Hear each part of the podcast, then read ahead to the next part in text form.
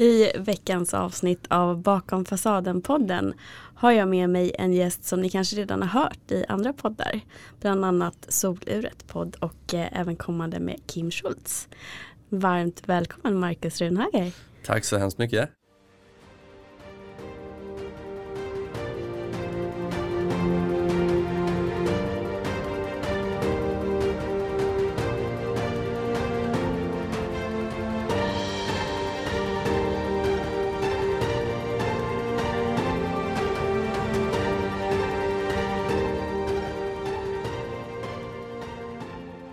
Välkommen till Stockholm får jag säga.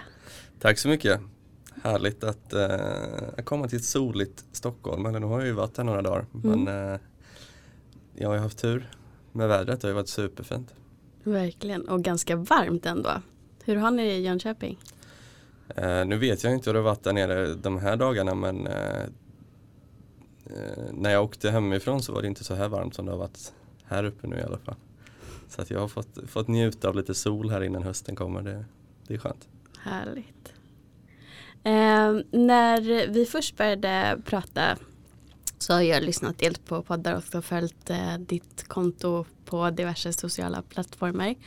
Och eh, jag känner att vi har lite samma syfte där. Att vi vill lyfta fram psykisk ohälsa och hur vanligt det är. Men också just till den manliga publiken så att säga. Mm. Att eh, jag upplever att för er män så är det fortfarande ett stigma. Det är lite förbjudet att eh, erkänna att man inte mår bra. Att eh, för oss alla inse att vi kör för, hård, för hårt med oss själva kan vara en jättejobbig insikt och att det lite för ofta dras likhetstecken till att man är svag. Fast egentligen så kör alla för hårt med sig själva. Mm. Vad tänker du där? Nej men det kan, eh, det kan nog stämma. Nu eh, kan jag ju bara tala utifrån mig själv och min egen upplevelse och jag är ju man så att eh, jag vet ju inte riktigt hur det, hur det är att vara kvinna och, och berätta om psykisk ohälsa och vad man har varit med om. Men jag kommer ju till exempel från idrottsvärlden. Jag har ju idrottat hela mitt liv och det är ju en ganska machokultur i omklädningsrum och sådär. Där är det väl inte så många som, som pratar om hur man mår och så. Eh, och det är väl en del i att jag vill prata om det för att jag känner att det är så viktigt att hela målet med att jag pratar om vad jag har upplevt är att jag ska få fler att prata om det. Mm. Om vi tar en liten snabb recap om eh, jag vet att du berättar i eh, andra poddar också lite mer ingående detaljerat om din uppväxt och hur det ledde fram till att du blev sjuk i utmattning. Eh, men just jag tänker i och med att vi också har haft Attila Joldas här som har pratat om mansnormer. Hur upplevde du att det var just med känslor när du växte upp? Hur var liksom normer runt omkring dig?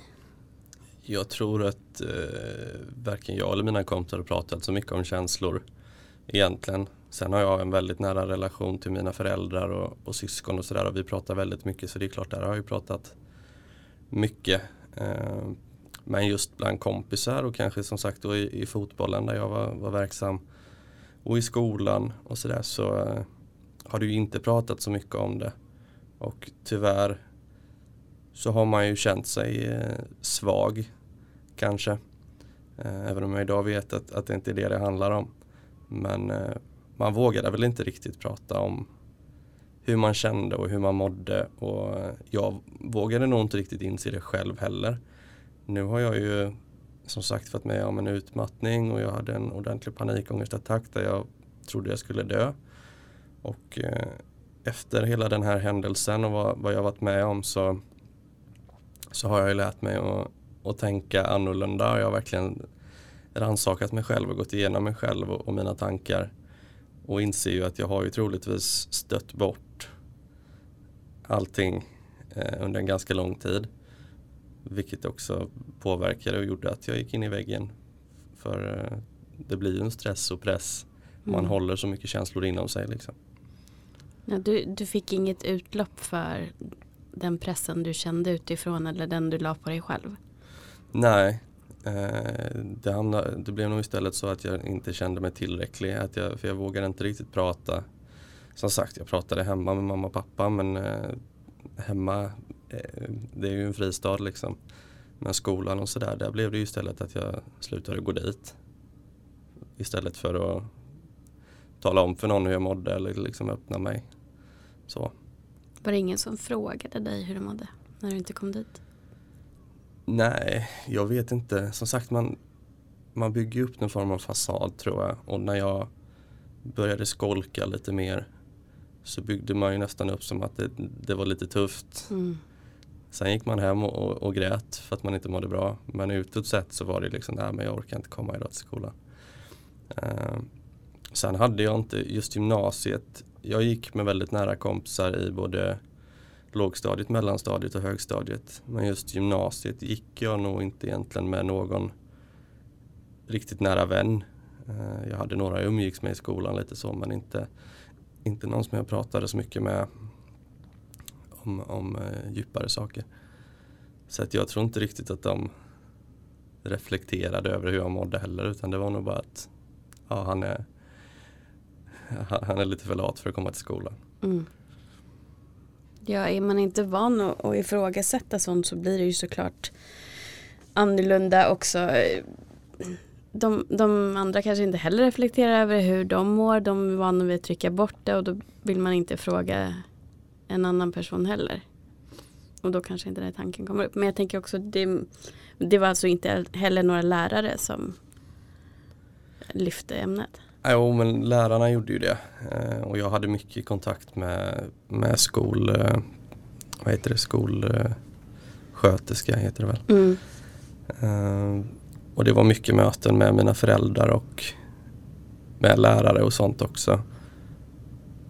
Men någonstans så jag öppnade nog inte upp mig tillräckligt. Jag, jag sa att jag inte mådde så bra. Jag hade mycket huvudvärk, mycket magont, migrän. Och det blev ju att man skyllde på det. Eh, fast det då egentligen kanske handlar om att jag fick huvudvärk och magont på grund av att jag inte mådde bra mm. psykiskt. Mm.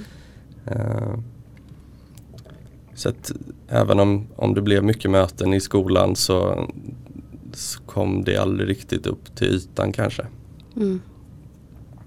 Och sen när du började jobba, då hängde den här pressen kvar? Ja, eh, alltså idrottsmänniskan i mig är ju, jag har prestationskrav eh, ganska höga på mig själv. Och eh, i slutändan så slutade det ju med att det blev alldeles, alldeles för mycket. Eh, man ville hela tiden bevisa sig bäst på allt eller, eller i alla fall tillräckligt bra på allt. Eh, och då fick det kosta vad det ville liksom. Då, då brydde jag mig inte så mycket om hur jag mådde, bara, bara de andra var nöjda, chefer var nöjda och att, att det såg bra ut utåt sett. Eh, det, det, är väl en sån här grej att man, man har tänkt så oerhört mycket på hur andra ser på en och man ska passa in och man ska vara tillräckligt tuff liksom. Och, eh, idag är jag glad att man kan tänka på sig själv lite mer och inte bara tänka på alla andra. Ja, det har blivit kanske lite mer ett sundare tänk också hos ledare, chefer. eh, och ja, det är fortfarande mycket jobb kvar att göra så upplever jag. Men det känns ändå som att det finns fler och fler röster. Din till exempel på eh, LinkedIn eh, som ett bra exempel. Att man ser att man börjar förstå att visst alla vill att en rörelse, en affärsverksamhet ska vara effektiv och sådana saker. Men att börjar man titta på hur individen mår och satsa där så kommer ju alla människor hålla längre, må bättre, tycka att det är roligare och därmed bli mer effektiva. Mm. Um, när du började må bättre efter utmattningen, hur såg din vardag ut då? Alltså direkt efter så, så mådde jag ju fortfarande dåligt och det var ju, då jobbade man ju mycket med Alltså jag låg ju hemma och sov egentligen för att kroppen hade verkligen stängt av. Eh, och jag var tvungen att återhämta mig. Men sen så började jag ju gå mycket hos psykolog. Eh, jag blev också arbetsbefriad av min arbetsgivare så att jag, jag slutade jobba där. Men hade ändå lön i tre månader till, eh, vilket jag är jättetacksam för idag för det gav mig verkligen en chans att återhämta mig utan att känna mig stressad. Mm. Och eh, jag bestämde mig ganska snabbt för att jag, jag ska försöka prata om det.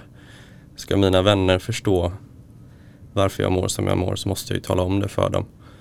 Eh, min fru och jag pratade mycket hemma givetvis. Hon har ju varit ett jättestöd hela tiden. Och även familjen. Men eh, och då var det ju mest för min egen skull att jag ville prata om det för att folk skulle förstå varför jag kanske inte hakade på eh, vissa tillfällen då att nej, men jag måste vila för jag är, jag är trött. Mm. Och jag måste tänka på mig själv. Ja. Så, eh, och sen blev det ju senare egentligen när jag började, ju mer jag öppnade mig desto finare respons fick jag egentligen. Och jag nätverkar ju ganska mycket idag eh, och det började jag egentligen med när jag kom tillbaka från min sjukskrivning ett halvår efter att jag hade gått in i väggen. Och började väl på någon sån här liten nätverksträff. Vi var fem stycken som satt och käkade lunch. Eh, alla var 20-30 år äldre än mig. Eh, och undrade vad jag gjorde och jag berättade att jag har gått in i väggen och jag söker arbete. Och eh, visste inte riktigt hur de skulle reagera. Men jag fick sån jätterespons och nästan alla i, i rummet hade varit med om, om liknande erfarenheter. Eh, och sen satt vi en eller två timmar och bara pratade kring detta och, och det gav mig en boost att jag ska verkligen vara öppen kring detta. Eh, så mycket jag kunde bli hjälpt av vad de berättade, hur de hade hanterat det. Eh, då kan jag nog hjälpa folk också i framtiden. Verkligen, och det, det gör det ju eh, jättemycket och det känner jag också det känns som att vi är ändå en, en mer och mer bred grupp som jobbar för att människor ska må bättre och där är fina, oj nu slår jag där. Eh, det fina är ju också att som du berättar nu, när man börjar visa sig sårbar så är det en enorm styrka i att visa sig sårbar. Det är någonting som inte är äh, jag ska man säga, accepterat inom citationstecken. Men också någonting som ger andra människor styrka genom den styrka man visar med att ha modet att vara sårbar och berätta om saker som man har varit med om. Till exempel då en utmattning om att eh, och som du säger, det, det ledde ju till att det var fler människor som öppnade upp sig om liknande erfarenheter. Har du mött på det också rent generellt när du har pratat i poddar och på din, dina forum och så att du får meddelanden från andra som känner igen sig? Jättemycket eh, och det har blivit mer och mer ju mer aktiv jag har blivit. Eh, både i poddar och på LinkedIn där jag är väldigt aktiv. Där. Och eh, när jag har nätverkat och träffat människor till slut så blir man ju ett litet namn. Fler och fler känner ju igen en och då är det fler och fler som vågar skriva också. Och det är ju så att öppnar jag mig för någon så öppnar den framför mig. Eh, det, det är lättare att den öppnar upp sig för mig också då. Mm. Eh, och det, det är ju mitt mål hela tiden att, att få andra att öppna sig.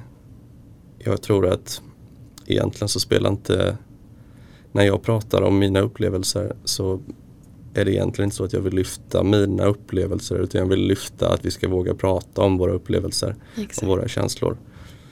Uh, och jag, jag, kan liksom aldrig säga till någon vad de ska göra för att hantera sitt problem. Men uh, genom min historia så kanske jag kan inspirera eller hjälpa någon att uh, hitta sin väg. Och, och det är det som är målet. att att fler ska känna att ah, okay, det, det finns en väg eh, till, till att må bra igen och eh, att, att det är skönt att prata om det.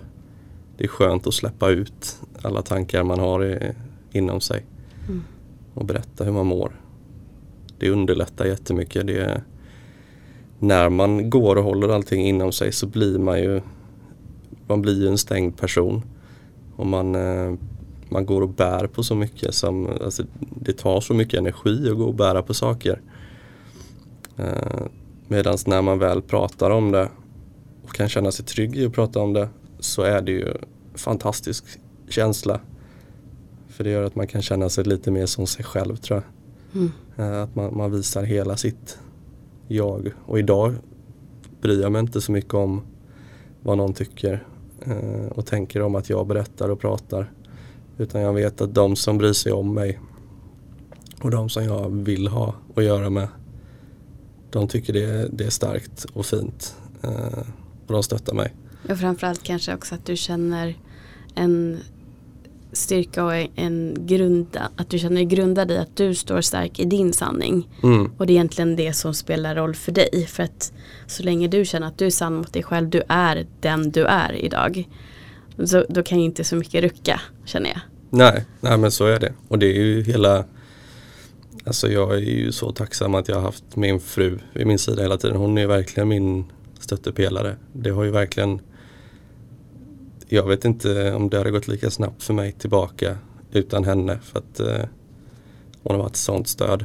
Och det är ju en trygghet som inte alla har. Men, Mm. som jag har haft i alla fall som har hjälpt mig. Och jag tror det är viktigt att även om man inte har någon eh, någon som man delar livet med så, så kanske man kan hitta någon, någon vän eller familjemedlem eller, eller någon eh, hör av sig till någon som, som man vet är öppen och försöka få lite connection att, så, att, så att man har någon att öppna sig för. Jag förstår att alla kanske inte vill sitta i en podcast och berätta om vad man har varit med om eller stå på scen och berätta det eh, under en föreläsning. Men bara att lätta sitt hjärta för någon tror jag är superviktigt. Mm. Och det som sagt, det är väl det vi jobbar för, alla vi som försöker belysa eh, psykisk ohälsa och, och ta bort den här tabun som finns. Det är ju Mm. att, att alla ska kunna känna att det, det är okej att vara sårbar och det är okej att vara svag inom situationstecken. Mm. Och idag så finns ju ändå många fler resurser än vad det funnits tidigare. Om man inte upplever att man har någon nära sig som man är bekväm med att öppna upp sig för så finns det ju till exempel olika grupper på nätet som har chattar med folk som sitter eh, där man är helt anonym. Det finns ju också eh, specifika för kvinnor och det finns specifika för män om man känner att det känns tryggare. Organisationen Män till exempel har ju det och eh, Attila Joldas var ju här och pratade mycket om det så det avsnittet är jättebra att lyssna på om man vill hitta eh, vägar och vart man kan vända sig om man inte upplever att man har någon. Jag säger upplever nu också med, med mening för att ofta så har man ju någon runt omkring sig som man faktiskt kan prata med. Ja, Men att det är ovant och man kanske bara tänker att nej men de där vill nog inte höra på mitt och jag kommer bara vara till besvär och eh, den här personen är nog inte alls bekväm med att jag visar mig sårbar. Men om du ändå vill försöka så tror att nio av tio gånger så om inte du får en direkt respons så planterar du ändå ett frö hos den andra personen och sen kanske den är en sån som behöver processa och behöver tänka och ta in eh, det som du har sagt men sen kommer med en reaktion så bara försöka vara så öppen som möjligt med att jag behöver prata eh, skulle vi kunna göra det? Skulle Mm. vi kunna ta en fika? Och se liksom att jag tror att många fler är öppna för det än vad kanske man som ovan med att prata om sina känslor och saker upplever. ja men verkligen. Och som sagt, jag har ju jag har ju tur att jag har eh, de jag har runt om mig. Det, det har ju inte alla. Men eh, Attila är ju en jättehäftig kille. Alltså, han gör sånt jättejobb verkligen. Så det, jag har lyssnat på det avsnittet och jag tyckte det var väldigt bra. ja, det var ju väldigt roligt också att spela in. Han är väldigt eh, härlig människa.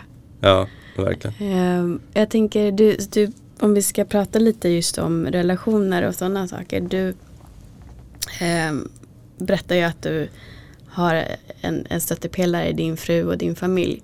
Har du alltid upplevt att det varit lätt att visa dig sårbar inför familj och när ni fortfarande också var flickvän pojkvän var det lika självklart för dig att öppna upp dig för henne?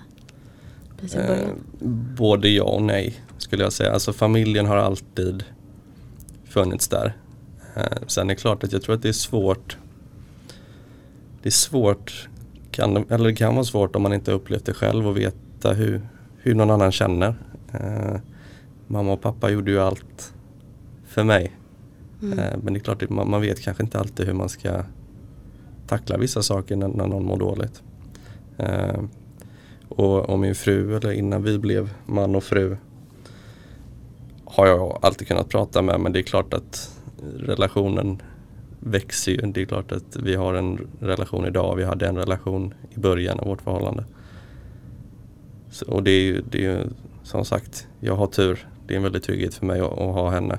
Mm. Och nu har vi varit med om en del saker tillsammans också. När vi, hon har ju varit med på hela den här resan. Så att hon ser ju också en stor skillnad på mig idag emot för några år sedan.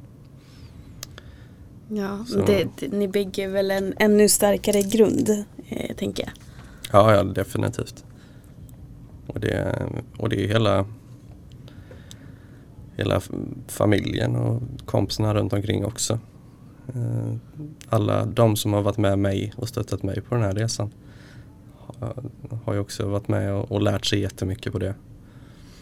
Eh, Så att, eh, som sagt, jag har tur att jag har så mycket fina människor runt om mig. Vad gäller dina vänner, ehm, hur skulle du beskriva det, era relationer ehm, innan och efter utmattningen?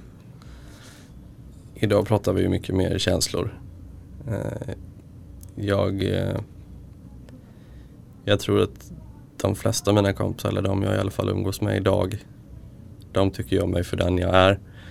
Men det är klart att innan, innan jag insåg att, att eh, jag skulle må bättre av att öppna upp mig så ville jag ju inte visa mig svag även för, för dem. Och jag pratade inte så mycket om hur jag mådde. Idag har jag ju fått den insikten att vi ska prata om känslor. Det blir lättare.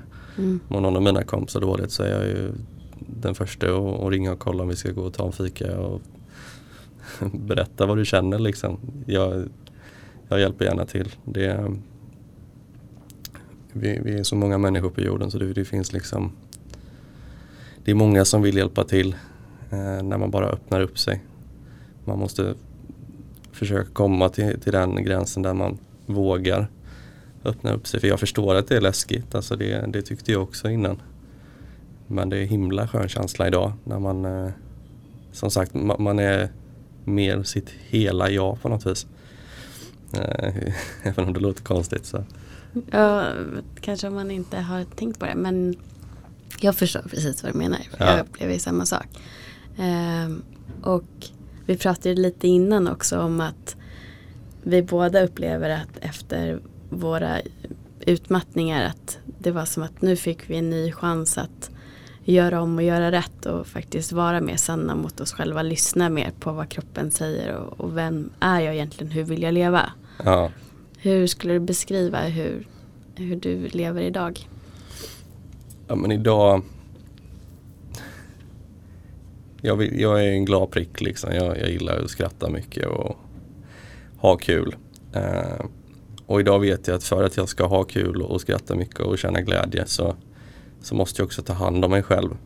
Och, och se till att jag får mina stunder med avslappning och, och återhämtning. Och jag har insett att jag kan inte vara överallt hela tiden och hjälpa alla och vara bäst på allt hela tiden. Det går inte. Man, man är människa. Mm. Eh, och tänker mer på att mår jag bra av att göra det här eller gör jag det bara för någon annan? Och eh, det, blir, det blir ju Jag prioriterar mig själv mycket mer idag än vad jag gjorde tidigare. Och, och prioritera mina tankar. Som sagt innan släppte jag inte ens fram mina tankar. Alltid. Eh, jag, tyckte jag något var jobbigt så struntade jag i det. Tycker jag någonting är jobbigt idag så försöker jag ta mig an de tankarna och fundera på vad är det som är jobbigt med den här grejen. Eh, och ofta kan man ju komma fram till att ah, okej men det är det jag tycker är jobbigt men är det så farligt egentligen? Och då kanske man kan hitta någon, någon lösning på, på det jobbiga så att det blir mindre jobbigt. Eh, som sagt gå in mycket i sig själv och, och tänka. Det är så lätt att bara skjuta bort allt jobbigt liksom. Ja, jag vet inte. Jag, jag blir nyfiken på om du känner igen dig. Det här är någonting som jag fortfarande jobbar med och också jobbar med i eh, terapi som jag går i. Och just det här med, ja, ja, intellektuellt så vet jag att man ska sitta med de obehagliga känslorna och eh, så kan jag tänka så här, ja men nu gör jag ju det. Men då försöker jag fortfarande intellektuellt försöka hitta vad är det som händer, vad är det som är jobbigt. Ja, Men sen oftast så upplever jag att jag inte kanske hittar svaret på det sättet. Så att jag, jag märker att jag får liksom bakläxa varje gång jag kommer till terapeuten och bara, nej men det, det är jobbigt. Ja men vad är det som är jobbigt? Ja, och så börjar jag liksom leta så här rent rationellt. Ja men det kanske kan vara det här eller det här. Ja, ja, ja, men om du bara känner, säger hon alltid då. Ja. Att blunda, andas, känn efter vad är det för känsla du känner nu.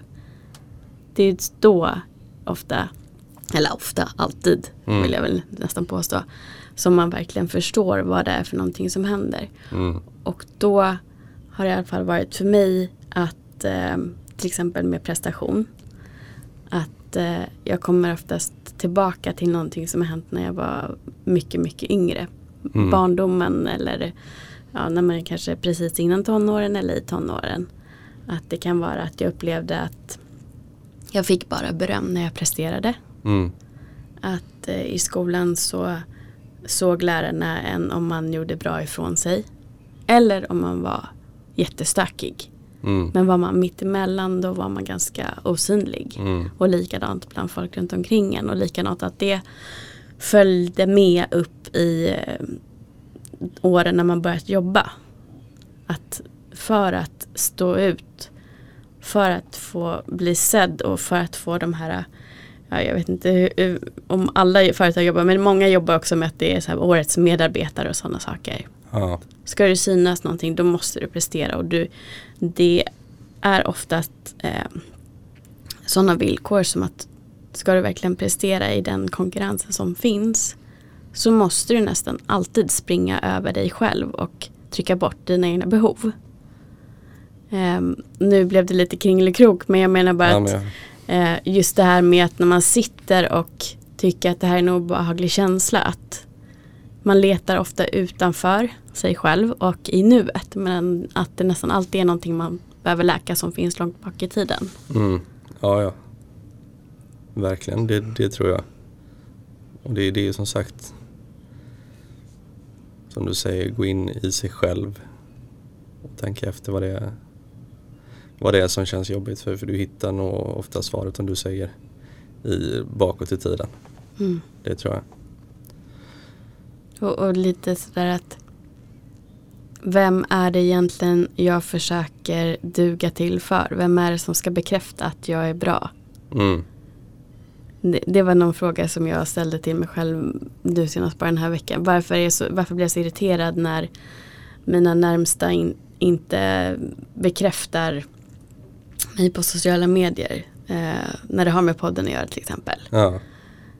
Men egentligen vad, vad gör det med mitt värde? Det gör ju ingenting med mitt värde. Varför är det så viktigt? Vad är det för någonting i mig som gör att jag fortfarande känner det behovet? Mm. Och sen kommer jag ju fram till att det förmodligen har varit att det är någonting när jag varit liten. Att det har varit eh, ja, prestation är lika med värde och att det liksom hänger ihop Mm. så Ja, ja. mycket. Men att där så så får man väl också vara lite försiktig med det, det ansvaret man lägger på andra människor i att bekräfta en och att, hur- man reagerar när man inte får den bekräftelsen.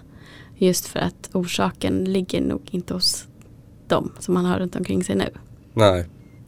Precis. Att det kan vara en mamma eller pappa eller en lärare eller någonting som man har verkligen cravat deras bekräftelse som liten och inte fått det och nu lägger man nästan som deras eh, huvud på en annan person eller några Ja. andra personer runt omkring en och så reagerar man likadant nu som vuxen som när man var liten och inte fick det.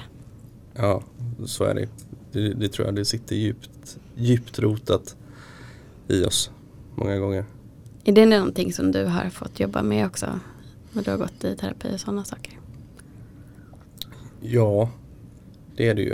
Eh, Jag har ju också grejer som har hänt när man var yngre som har satt sig väldigt eh, hårt. Jag minns bland annat en grej då när jag skulle hålla en eh, stå på scen inför hela skolan när jag var, jag vet inte vad jag kan ha varit, tio år. Eh, och jag var så nervös att när jag, när jag skulle prata på scen så gick jag upp i falsett. Eh, för att jag var så nervös. Och hela skolan skrattade. Och det där var ju en sån grej som jag har fått jobba med för att det, där satte ju sig hela min rädsla att stå och prata inför folk. Såklart. Och jag gick nog från att vara ganska, eh, jag vet inte hur, om den situationen gjorde allting men, men jag gick nog till att bli en mycket mer blyg Mm. kille. Mm. Eh, och det är en sån grej som jag på senare år då har gått tillbaka och insett att ja, den där grejen satte sig fasen riktigt hårt i mig. Eh, och det finns ju fler sådana grejer som, som man kan hitta. Sen finns det säkert mycket som man inte du måste rota riktigt långt bak för att, för att komma på vissa saker också. Men eh, det, det är ju, jag är ju så glad att jag träffade en så bra psykolog som jag gjorde. Hon hjälpte mig så mycket och jag tror att eh, det är också någonting som som, som eh, det är liksom inte svagt att gå till en psykolog. Egentligen borde alla gå till en psykolog för att Ja. du mår så mycket bättre de flesta gånger. Sen kan det ju vara så att den psykologen du går till eller den terapeuten du går till inte är rätt för just dig. Mm. Eh, för det vet jag att jag gick hos någon kurator, jag testade någon psykolog och jag tyckte aldrig att jag fick ut någonting av det. Men sen den här psykologen som jag fastnade så för nu Alltså hon gjorde så mycket men jag är så tacksam för att jag träffade henne, att jag vågade gå till henne. Och jag har kompisar idag som jag vet skulle behöva gå till en psykolog.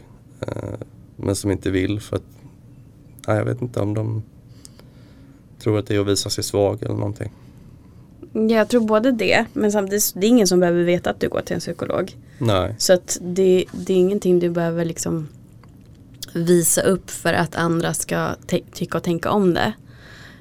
Jag tror eh, att mycket ligger i att det finns en upplevelse i människan att går du till en psykolog så kommer de direkt börja rota i det som gör allra ondast och saker som man har tryckt bort så länge. Mm. Och att jag vet att det var någon som uttryckte sig Börjar jag gråta så kommer jag aldrig kunna sluta.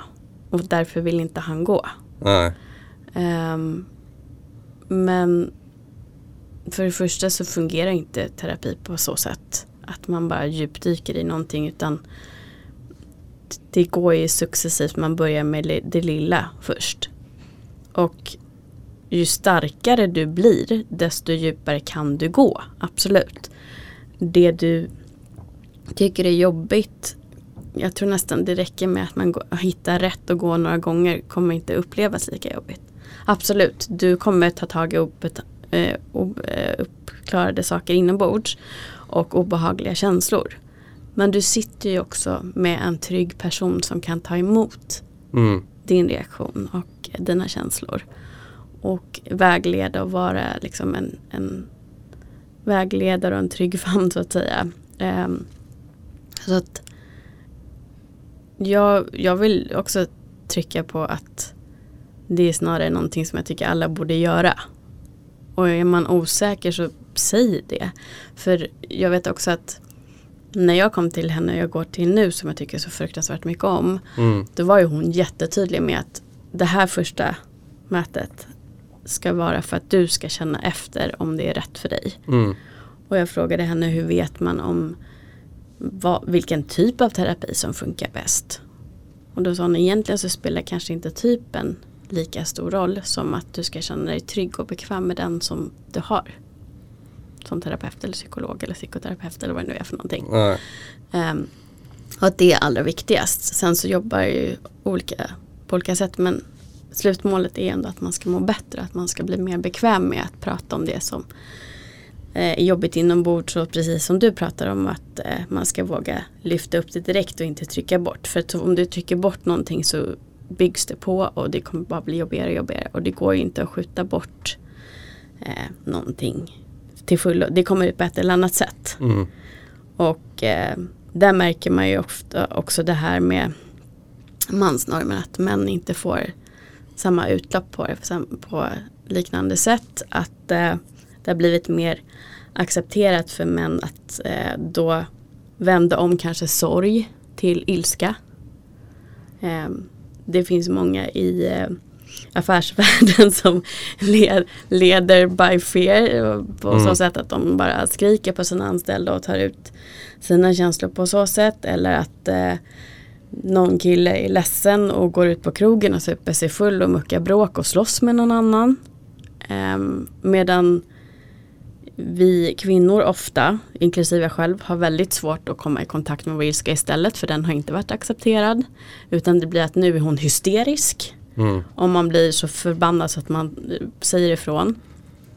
Eh, och att det är svårt att stå stadigt i sin ilska och bara vara arg utan att eh, ja, nu pratar jag för mig själv i alla fall, att jag börjar gråta ofta mm. om jag blir arg för jag blir så frustrerad att hör mig då. Mm. mm. Lyssna på vad jag har att säga. Att det, jag har trott att det var mer frustration och, och liksom att jag blir ledsen över att jag inte blir sedd eller hörd. Mm. Men det är väldigt mycket ilska i det också. Jag vet bara inte hur jag ska komma ikapp med ilska. Så det är någonting jag får såklart eh, öva på. Mm. Men jag, jag, ser det så ofta runt omkring mig i samhället också. Så det ja. hänger ihop med det här att vi alla också måste bli bättre på att eh, prata, få utlopp för våra känslor och hitta rätt väg för oss att göra det. Och det är en väldigt bra grej att jobba med en, en terapeut. Ja, självklart. Och det, man får ju med sig, eller jag har fått med mig så mycket därifrån. Jag, framförallt andningsövningar. Jag vet inte hur du gör i de här lägena då när du känner dig så frustrerad. Använder du dig någonting av andningsövningar då? Um, jag fick faktiskt uh, en jättebra andningsövning av en kille på LinkedIn förra veckan. Mm. uh, vi känner inte alls varandra egentligen utan vi började prata om att han gav mig feedback på podden. Uh, och då berättade han att han hade utvecklat fram, främst för prestation faktiskt en andningsövning. Men jag bara testade den och det var egentligen att du andas in i sex sekunder stannar upp, andas ut i sex sekunder. Och det låter ju jätteenkelt men mm. sex sekunder är lång tid om man ska andas in och ut märkte jag. Det var en liten utmaning. Ja. Men jag blev mycket, mycket lugnare. Så att jag kommer absolut fortsätta med det. Ja, du, du frågade mig innan om jag får mycket meddelanden och sånt när jag har, har pratat. Och eh, jag har ju fått väldigt många fina långa meddelanden från folk jag inte känner. Som beskriver just den här igenkänningsfaktorn kanske när de har hört mig berätta just om utmattning då kanske. Eh, och man får ju frågan ibland hur, hur gjorde du eller hur ska jag göra? Mm. Eh, och det är just andningsövningar är ju alltid någonting som jag tipsar om. Sen brukar jag som sagt alltid säga det att jag kan inte säga hur, hur du ska göra. Jag kan berätta hur jag gjorde eh, och hoppas att du kan ta med dig någonting av det. Mm. Men eh, det är spännande vad, vad mycket jag får ju meddelanden från allt, allt från VDR till nära kompisar som jag inte hade en aning om mådde som de gjorde till helt eh, okända för mig. Både unga och äldre. Så att man märker att det, det är ju så utbrett. Mm. Eh, och det är ju många som fortfarande förståeligt eh, inte pratar om det. Men det, det är skönt att se att att det gör skillnad att man pratar om det. Det gör ju det, gör ju det så värt. Det, det känns ju så fint att kunna sitta här och prata om det när, när jag vet att kan det hjälpa en person eller två personer så har det gjort hela, då är det värt det. Ja, gud ja. Det är ju världens bästa känsla när man ändå får ett meddelande att det som jag eller någon gäst har sagt det, det har hjälpt. Ja. Och att eh, just eh, den här meningen om att jag har ingen annan att prata med. Att, ja men då har du ju ändå tagit ett jättestort steg. Mm. Om du nu inte har någon annan att prata med så, måste, så känns jag, känner jag att då är du ännu modigare som ändå skriver till mig eller skriver till Marcus. För att det måste vara ett liksom högre eh, steg, hinder att ta sig över än om man är van att kunna prata med andra. Mm. Så heja dig som hör av dig. Ja, verkligen. Det, jag älskar när man får sådana meddelanden. Och sen alla är inte så glada meddelanden. Eh, förmår man inte så bra så. Men det är ändå fint. Vi ska ju hjälpa varandra liksom. Så mycket som möjligt. Mm. Så att eh, jag vet jag fick något meddelande för något tag sedan. Från en kvinna som hade Hon hade suttit och funderat på om hon skulle skriva till mig i, i flera veckor sa hon. Mm. Och så tog hon sig tid och då bodde hon faktiskt i Jönköping så då kunde vi till och med ses. Och hon var jätteglad för det och jag fick ut så mycket utav det också för man alla möten med människor ger ju någonting. Jag, varje möte jag har ger ju jättemycket till mig. Mm. Jag tar ju med mig så mycket från alla andras upplevelser och, och berättelser också. Så att eh, det, det, är fint när vi kan dela med oss. Det, det, det, ger verkligen mycket och det gör att vi utvecklas allihopa när vi, när vi öppnar upp oss. Ja och sen när hon mår bättre så kanske hon hjälper nästa person så det blir liksom mm. pay it forward sak. Att man hjälper fler och fler. Och även om det kanske känns ibland som att det händer ingenting så många bäckar små. på något sätt. Det blir liksom ringa på vattnet hela tiden. Och ju fler vi är som ändå jobbar mot att fler och fler ska våga prata och eh, inte bara se det som att det är så här jag är. Nej, Nej men acceptera inte det om det inte är okej med dig. Nej. Det finns hjälp att få, det finns folk att prata med. Mm. Och om du som lyssnar inte har sociala medier på samma sätt. Men det kostar ingenting att gå med i Instagram eller eh, LinkedIn till exempel.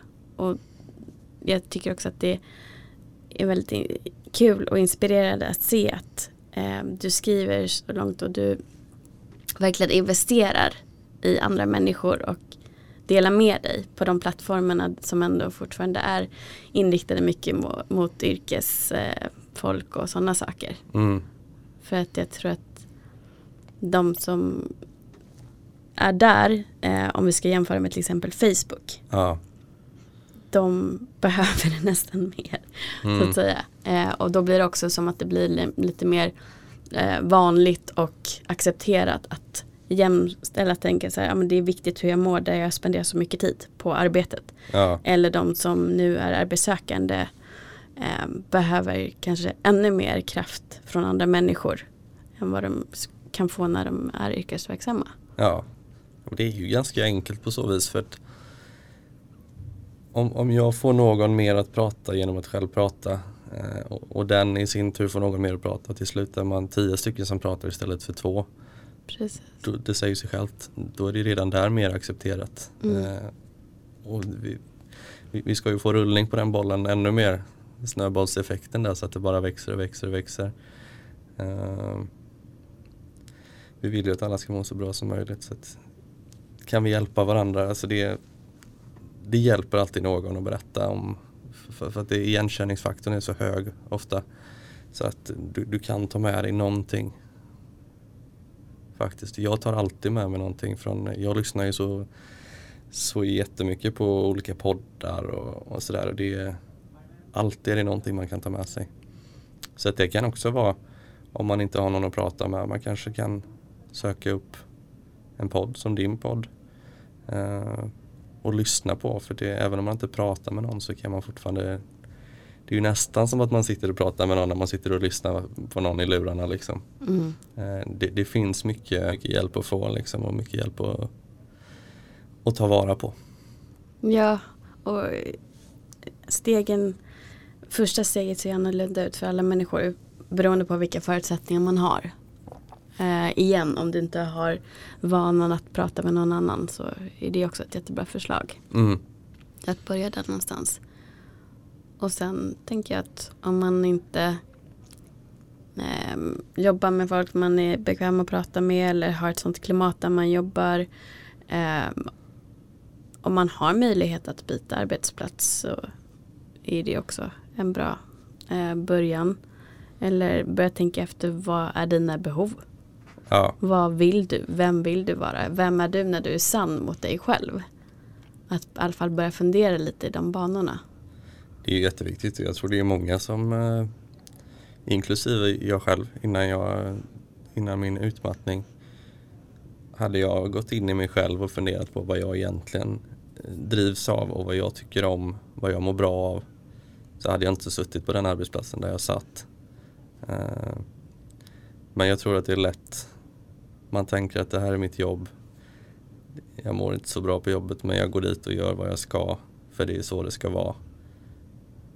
Men man kan ju, om man, om man finner den styrkan så kan man ju gå in i sig själv och fundera på ett, vad man bör göra istället. Mm. Det, det, det är lätt fast det är inte så lätt. Men det, alltså du, du fattar vad jag menar. Mm. Det, fundera på vem du är liksom. Det, Det blir ju lättare om man försöker göra det till en vana också.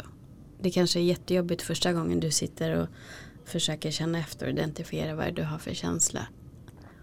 Och det är ju så med allt som är ovant Mm. för en. Men gör du det igen och igen och igen. Eh, och sen så pausa om det, om det blir för mycket.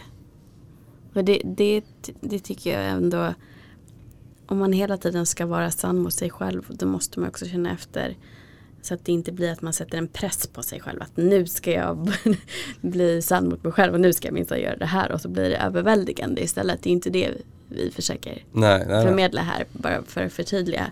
Utan um, mer att våga ta hjälp på det sättet som känns bekvämt och i din, din egen takt.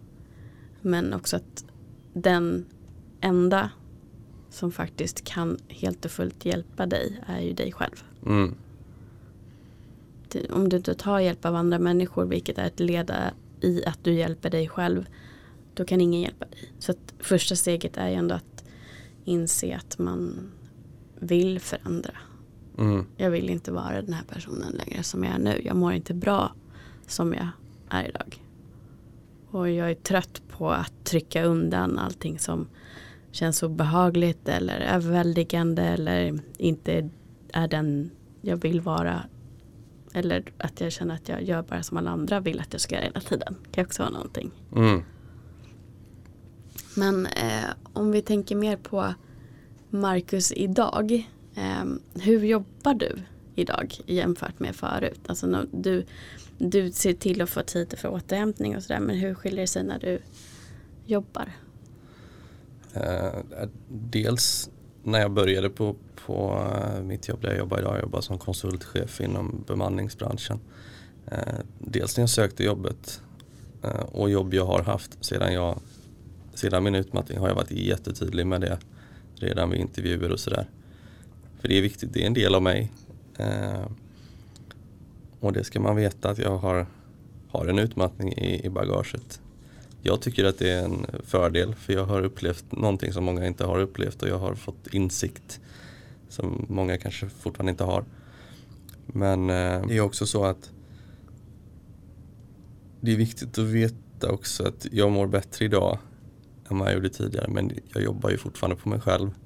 Jag har ju fortfarande viss problem med, med ångest liksom. Det, man måste ju fort, fortsätta jobba på sig själv ändå.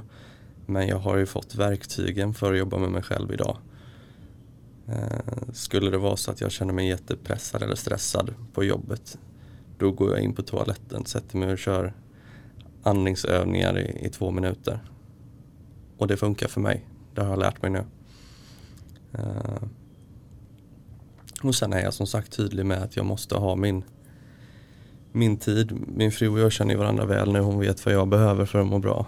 Eh, jag har liksom grejer som jag gör för att slappna av. Jag är väldigt fotbollsintresserad.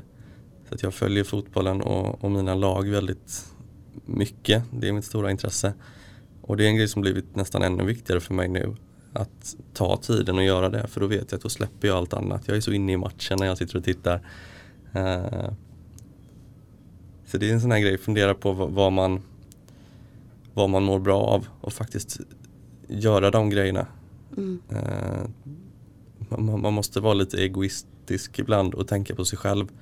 För att mår inte du bra så mår inte de jämte dig heller bra eller du påverkar dem. Eh, så att se till sig själv först Mm. och sen till de runt omkring. Så. Och det har jag blivit mycket bättre på idag emot eh, tidigare.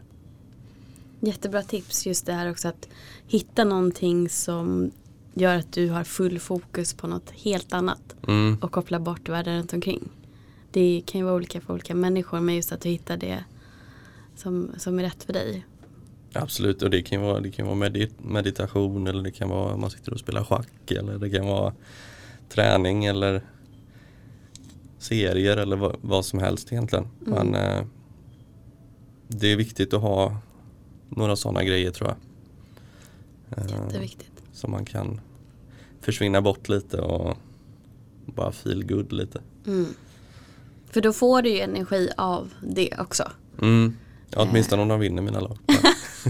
Ja men jag tänker att du kopplar ändå bort det och eh, precis som att det är viktigt också att vila och återhämta sig på så sätt. Ja.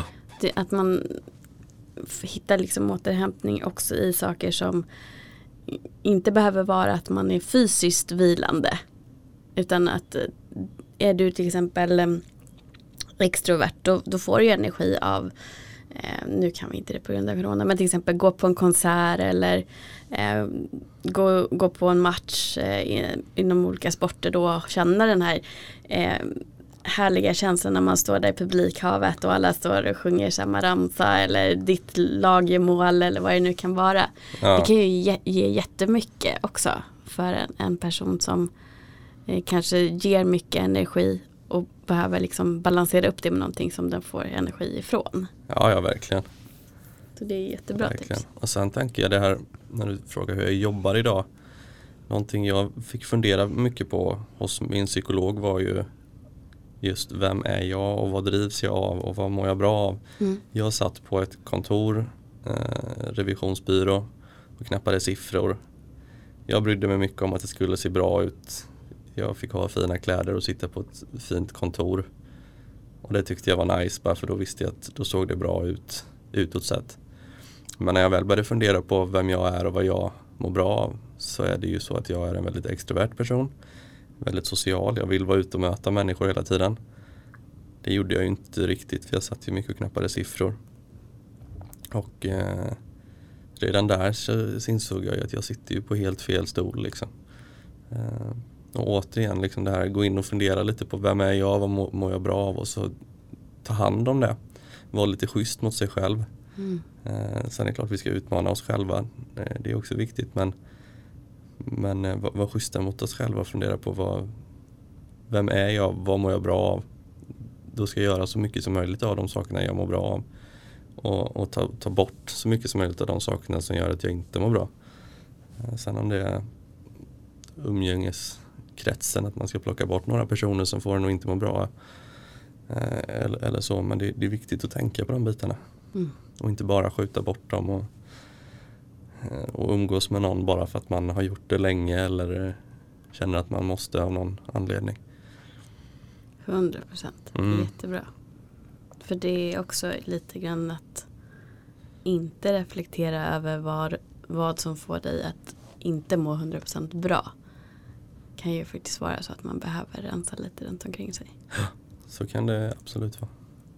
Och där gö- utgörs ju då istället plats för att ta in de som man mår bra av. Mm. Att inte heller absolut. stänga igen för, för nya kontakter. För det är, jag tycker att det också att det är superkul när man verkligen gör någonting som, som man är passionerad för. Till exempel just podden då för mig Mm. har ju också gjort att jag har träffat nya människor som jag också har blivit vän med privat. Mm. Och det är ju superkul att eh, dels att känna att vi är många som kämpar för samma sak. Ja. Att eh, känna samhörighet på så sätt. Och kunna bolla idéer och tankar. Och, eh, sen också att hitta vänskap för att man kanske dessutom kan eh, prata på ett annat sätt. Just för att det är mer accepterat när man jobbar med samma sak. Just det vi jobbar med Ja. att vara mer öppen och prata om hur vi mår och sådana saker. Så att på så sätt kan man ju också få in eh, det. Och jag tänker att även om du inte jobbar med podd eller du är verksam på LinkedIn eller sådana saker. Att känner du att det är någonting som du brinner för som kanske inte ditt umgänge delar det intresset. Det finns ju också att eh, man går med i någon ny förening eller sådana saker. Det finns ju många grupper på Facebook och eh, jag vet inte, jag, får, jag fick någon som föreslog någonting som heter GoFriendly. Nu är inte jag medlem med det själv och jag vet inte om det är bara för kvinnor eller om det är för alla. Ja. Men det är också att just tanken som jag förstod det var att man hittar liksom på saker med nya människor för att eh, hitta fler vänner. Mm. Och då kan man ju också hitta mer likasinnande tänker jag. Oh ja. Jag, alltså så mycket nya vänner jag har fått sen jag började prata om, om mitt och, och, och blev ännu mer eh, duktig på att nätverka och, och, faktiskt vara öppen för att träffa nya människor.